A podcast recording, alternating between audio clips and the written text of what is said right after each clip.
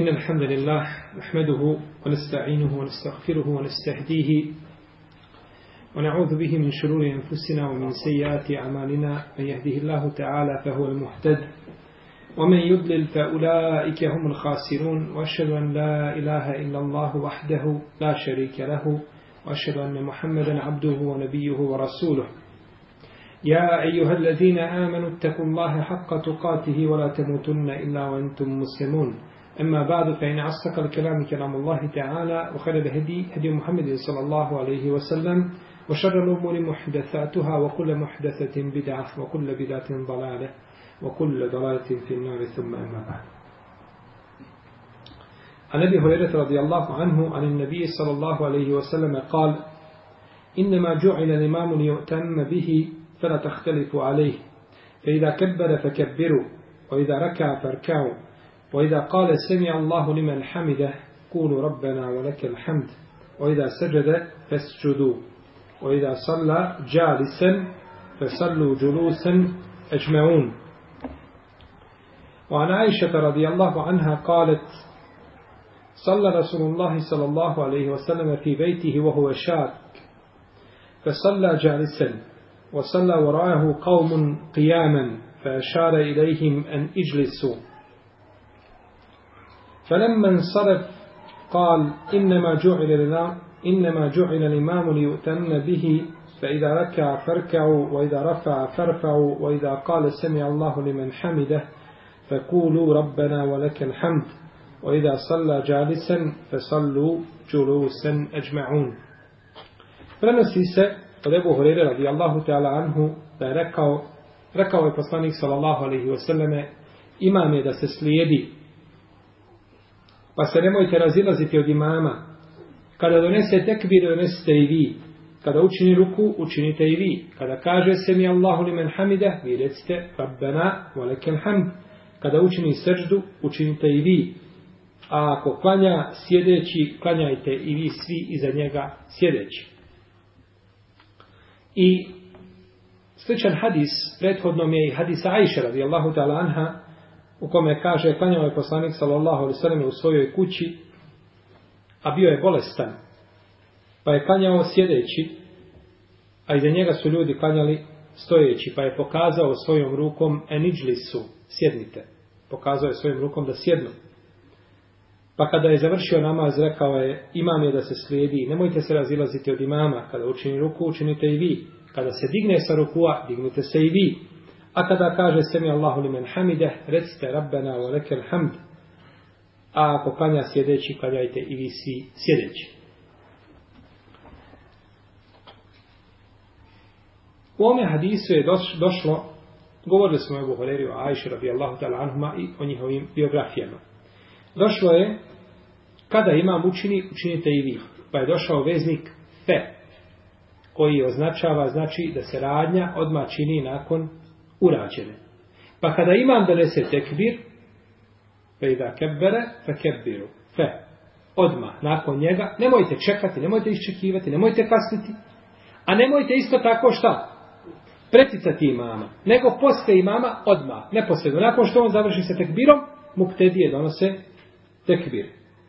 Pa je ovdje ukazao na sljeđenje imama kada su u pitanju riječi i kada su u pitanju djela. Kada su u pitanju riječi, da se donese tekbir i da se kaže šta?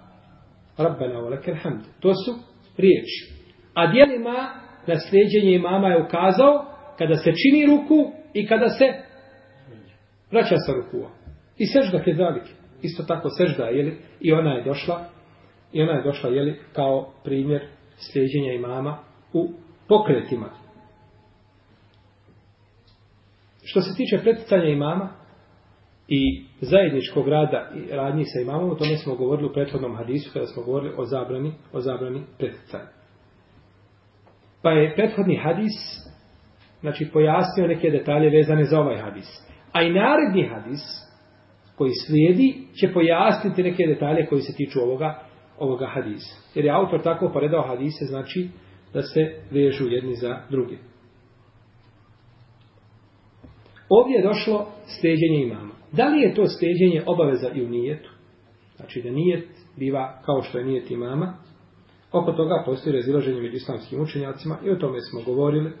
Imam Šafija smatra da nijet ne, ne ulazi u značenje ovoga hadisa, tako da može čovjek koji klanja dobrovoljne namaze da klanja za onoga ko klanja farzove ili obratno, znači u tome nema smetnje.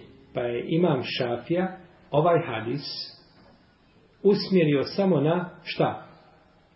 Na pokrete. Na pokrete u namazu. Na pokrete u namazu. Kaže Ibn Abdelber u svome djelu Alistitkar da imam Šafija, Lauzaji, Daudi, Tabari i to je poznato kod imama Ahmeda da smatraju da je dozvoljeno znači da čovjeku da klanja podne za onim za ko klanja i kindiju ili da klanja znači da se klanja obratno. U svakom slučaju to bi bilo dozvoljeno jer čovjeku pripada ono što je naumio i pripada mu znači nagrada po nijetu i broji mu se nijet. Dok Ebu Hanife kaže da i nijet ulazi u sastavni dio čega? Ovoga hadisa felatah telifu alejhi nemojte se razilaziti sa imamom, ni u kom slučaju, pa ni u, ni u nijetu.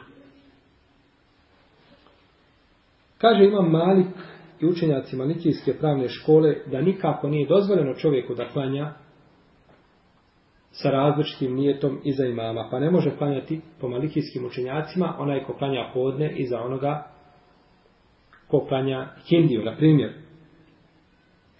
U tom bi slučaju bio pokvaren namaz kome? muktedi. Imamu ne bi, nego bio pokvaren namaz muktedi. Dokaz šafije da je dozvoljeno je poznata priča Muaza, radi Allahu anhu, kada je klanjao sa poslanikom, sallallahu sallam, jaciju, pa je nakon toga klanjao svome narodu jaciju kao imam, a on je nije tio šta? Na filu, pa je njemu bila, pa je njemu bila na fila. A da je obavezno imama slijediti samo u tim spoljašnjim znači, radnjama, a to ukazuje hadis Džabira, u kome kaže slijedite vaše imame, pa ako klanjaju stojeći, klanjajte vi stojeći, a ako klanjaju sjedeći, onda klanjajte vi sjedeći. Znači slijedjenje u čemu, čemu? U pokretima. Frida kebbere fe kebbiru, a kada donese tekbiru, donesete ga i vi. I govorit ćemo o tekbiru u narednom poglavlju, znači. I može se iz ovoga hadisa zaključiti da ne smije se, znači, jer je tekbir donos prije imama i ako bi ga donio prije imama, ne bi opće ušao šta u namaz za imama. Ne bi to, znači, bio namaz za imamo. Iz ovoga hadisa se može zaključiti, može se zaključiti, iz daleka, nekakav zaključak iz daleka, da se ne uči fatiha za imamom. Jer u redu? Jer nije rekao, a kada prouči fatihu, proučite ju. No, međutim, ne spominjanje toga, jer to ukazuje da se ne čini, ne, ne ukazuje. Može se zaključiti, sporedni nekakav argument može biti, ali ovaj ispravno je da ako nije spomenuto da to ne možemo ni potvrditi ni negirati, a našto ako imaju drugi argumenti koji ukazuju da se Fatiha uči iza, da se Fatiha uči iza imama.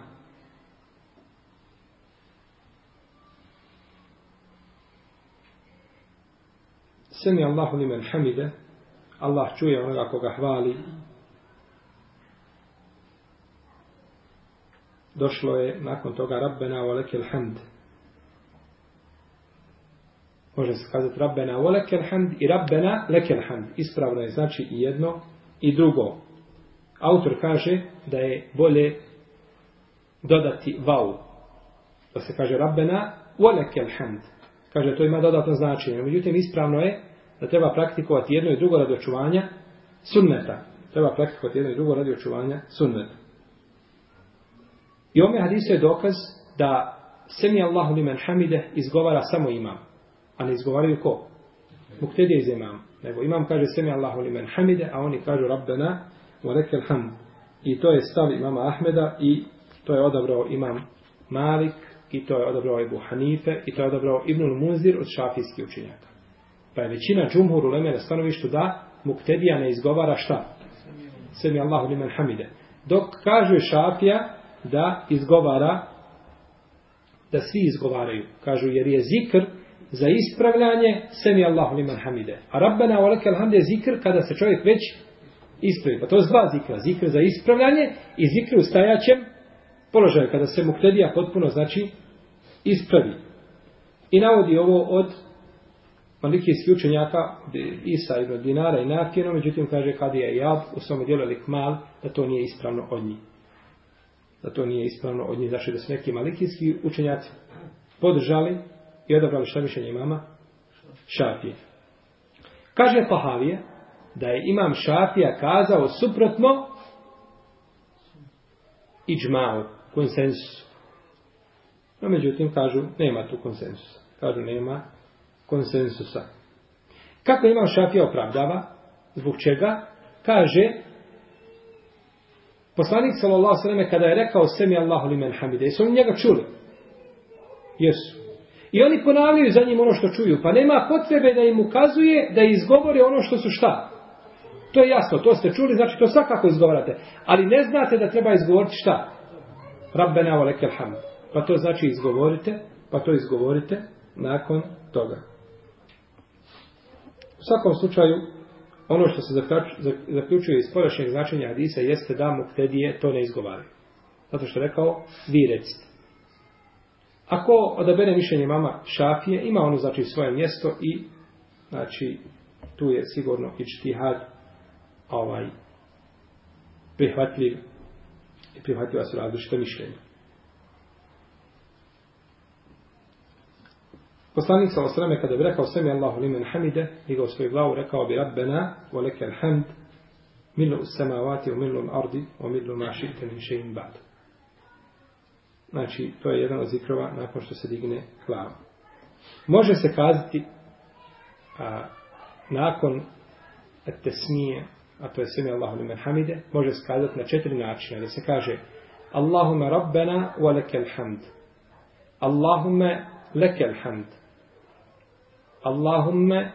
Walakal hamd i Allah ربنا لك الحمد ربنا ولك الحمد اللهم لك الحمد يا الله اللهم ربنا لك الحمد يا اللهم ربنا ولك الحمد da imamo znači sa vau i bez vau i da imamo sa početkom Allahumma Allahumma Rabbena lekal hamd Allahumma Rabbena wa lekal hamd Rabbena lekal hamd Rabbena wa lekal hamd na četiri načina. Kaže Ibn Kajim, nije došlo od poslanika sa osrme spajanje Allahume i uve. Allahume i uve. Toga nema spajanja.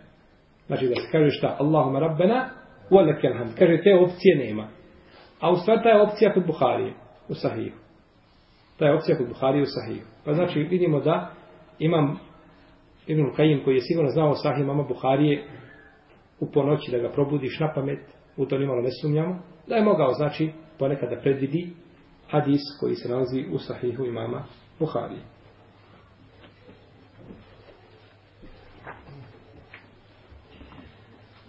Malikijski učenjaci, kada je u pitanju prenošenja iza imama, e, teblir, kada imam kaže, e, kada mu jezin kaže za imamo šta? Semi Allahu limen hamide, kada kaže Rabbena o lekel hamd. Kada prenosi, kakav je propis takvog namaza? Pa kažu da je namaz ispravan zato što je, neki kažu, a, da je namaz ispravan zato što je on mijenja tu imama i govori umjesto imama.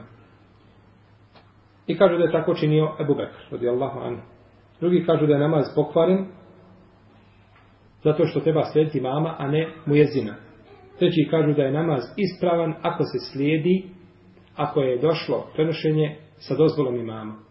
A ispravno mišljenje da ako postoji potreba za prenošenjem iza imama, prenosit će se. Ako ne postoji, onda neće. Znate što je prenošenje? Znači, tekbire da ponavlja za njim, znači za imamom, ako ljudi dobro ne čuju, na primjer da imam ne može govoriti glasno, a nema nestalo struje, odučenje slabo, pa da neko naglas prenosi, neće smetiti. No, međutim, ono što se čini u dva harema danas, to je bez sumnje bidat novotarija. Znači, da se prenosi iza imama, kad imaju zvučici, najsavremenije uzvučenje, u medijinskom haremu, koliko sam čuo, ima na svijetu. Da nigdje nema na svijetu savremenije odlučenje. I pored toga se prenosi. Hoće li se to ukinuti? Allah najbolje zna.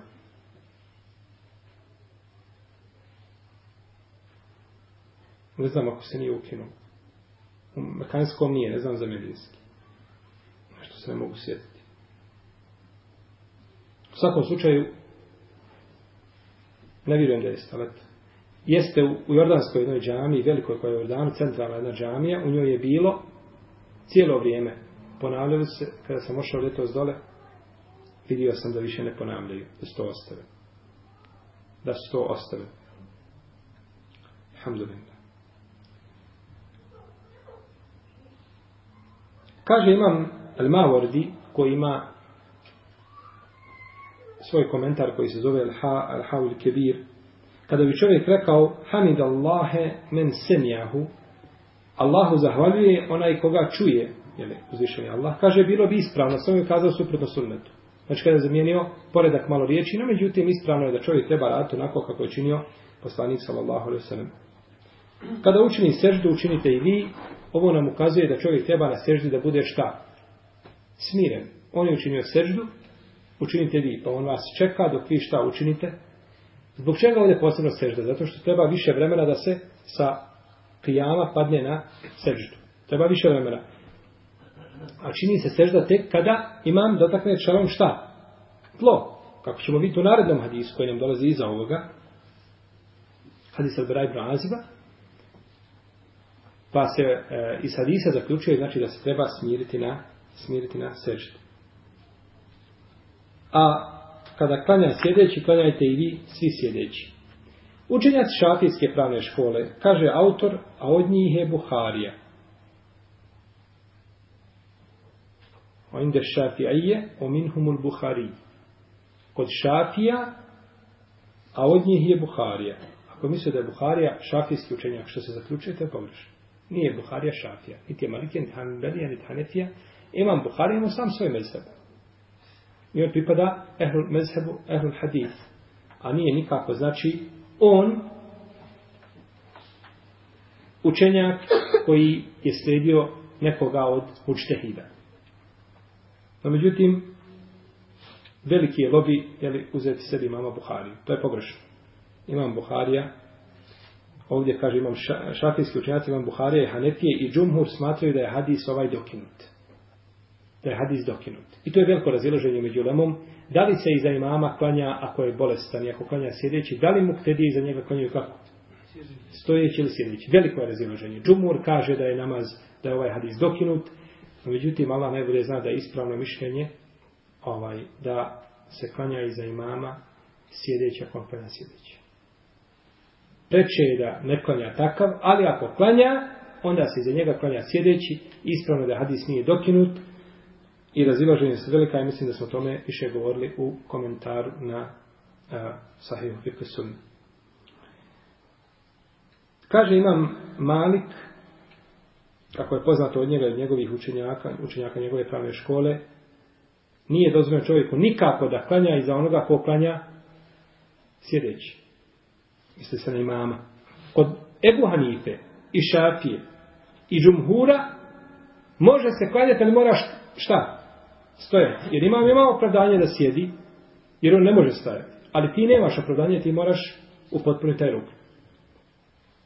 Pa kod nje može, ali moraš stajati. Dok i kod imama Malika nikako ne smije takav biti šta? Nikako ne smije biti imam zbog hadisa poslanika sallallahu alaihi wasallame neka niko posle mene ne predvodi sjedeći. Međutim, ovaj hadis je daif. Nije vjerodostojan i ne može biti kao argument hadis je, znači da i Navodi se od Hulefa i Rašidina da nisu klanjali, znači sjedeći da predvode nekoga sjedeći. No, međutim, to nije dokaz, jer možda su to smatrali boljim, što svakako jeste. Neka olema kaže da je ovo bilo svojstveno samo poslaniku, sallallahu alaihi wasallam. Da nije bilo svojstveno šta? Drugim, da nije za druge ljude, nego to je samo poslanik, sa osrme mogao klanjati kako? Sjedeći da se ljudi da iza, da iza njega ljudi znači sjede. A međutim, da bi nešto pripisali da vrijedi izričito za poslanika, sallallahu sallam, moramo imati argument. Ovdje ima argument ili nema? Nema argument. Pa znači vrijedi kako za poslanika, sallallahu tako i za druge ljude. Kaže se, bio je poslanik, sallallahu alaihi selleme bolestan. Kaže neka ulema da je to onoga, e, ono, ono vrijeme kada je pao sa konja, pa kada je zgulio čitavu, čitavu a, lijevu stranu, pa je znači bio dugo bolestan, pa su došli kod njega, pa su ga našli da klanja, pa su stali iza njega, pa im je pokazao rukom da sjednu. Pa su klanjali za njega, pa su klanjali za njega sjedeći. Salallahu ala Rasulillah. U ome hadisu je dokaz da je obaveza slijediti imama i da se nije, za, da nije dozvoljeno da se muktedi razilaze od imama. I o tome smo govorili u prethodnom hadisu kad smo govorili o zabrani preticanja. I u njemu je dokaz da ruku i sržde bivaju nakon što imam to učini. Poslije imamove, znači neće biti sa imamom. I najčešće preticanje imama biva na seždi, odlaskom na seždu. Zato što ovaj, treba više vremena da se imam spusti i onda mnogi klanjači pretiču imama, što je svakako pogrešno. I u njemu je dozvoljeno, dokaz da je dozvoljeno namazu, da su dozvoljeni pokreti, blagi pokreti koji neće pokvariti namaz. Gdje je dokaz? Pokazao im je, sjednite. Kao što im je pokazao Hadis Ebu Horeire kada je bio na namazu, pa ostao bez abdesta sa osrme, sačekajte, tu gdje ste. Pa znači ti pokreti koji su takvi, neće, ako neće pokvariti namaz, to da ti se pomjeriš korak ili dva, da otvoriš vrata, ili da digneš slušalicu od telefona, da te neko čuje da se namazu i slično tome, jer je poslanik sa osrme otvorio ajši vrata, je tako? Pa se ponovo vratio na mjesto. Neće onda pokvariti, znači ni rukom da se nešto, da se pokaže. I to se razlikuje od čega? Od, od riječi. Razlikuje se od riječi. Pa ti je džumi do, džumom dozvoljeno, znači kada bi ti neko pružio ruku, da se rukuješ, ali ti nije dozvoljeno da mu vratiš na selam. Na selamu nećeš odgovoriti, jesno. U ome hadisu nije spomenuto kada učini, kada preda selam, predajte i vi. Zašto? Kaže neka olema zato što postoje selama ti možeš ostati, učiti koliko hoćeš i onda predati selam. Zašto su to kazali? Zašto ti nije rekao postoje rukua, možeš ostati koliko hoćeš dobi i onda rad dalje? Zašto je rekao postoje selama? Što to on nisam imao da se preda selam. Hmm? Ispomenuto. Preda selam i što je da ti njega slijediš, ti možeš postoje njega. U redu, ali zašto možeš po mišljenju ove oleme kasniti? Šta je prestao namaz? Šta onda? Nema, nema. Nema više dizanja. Molim? Pa salamom se prekida namaz, izišu namaz. Onda se dalje ne... On je izišao, zašto ti možeš ostati za njega? Nema više, znači nema on više drugog rukna na koji bi prešao. Jer on kad učini seždu, a ti je ostao na, na kijamu, posle rukua, i on se vraća sa sežde, pa opet ide na seždu, pa opet, znači ode imam. On je vamo predao selam i nikuda se imam ne gubi. Selam tebi ostao samo selam. Kad god vidim selam, stigao si šta? Za njim. No, međutim, Allah ta'ala da najispravnije slijediti mama iza selam. Dok preda selam, predaj ti selam. To je najispravnije, da se imam, znači slijedi, da se imam, slijedi u svem. Molim? Nema, u ovoj verziji nema. Ima hadis Ibn Omara, voljeli smo da predajemo selam kada poslanik sa osanem predaje. To jeste kod Buharije došlo. To je od Ibn Omara, to su njegove riječi. No, međutim, ovaj, kao hadis da je došlo, a kada preda selam, predajte vi, to nije došlo ome hadisu. I naredni hadis je hadis Elbera ibn Aziba, o kome ćemo išao od tela govoriti koga ne prenosi Abdullah ibn Yazid, Al-Hatim je Ansari, a on se isto veže za znači slijedjenje imama, pa ćemo što o njemu govoriti u našem narednom druženju. Ali će Allah te barake je otala da nas pouči našoj vjeri, da se pouči sunetu poslanika sallallahu alaihi sallam i da se učvrsti na istini, ne sretnemo njega jednog jedinog za ođel i da nam se smiluje na sudnjem danu. Allahu ta'ala amin. Sallallahu ala nebina Muhammed wa ala alihi wa sahabi i